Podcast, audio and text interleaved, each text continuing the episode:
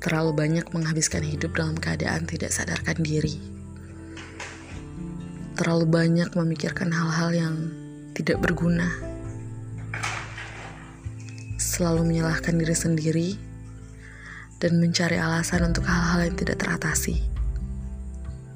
Selalu memimpikan keadaan yang baik-baik saja tanpa bisa menerima keadaan diri sendiri.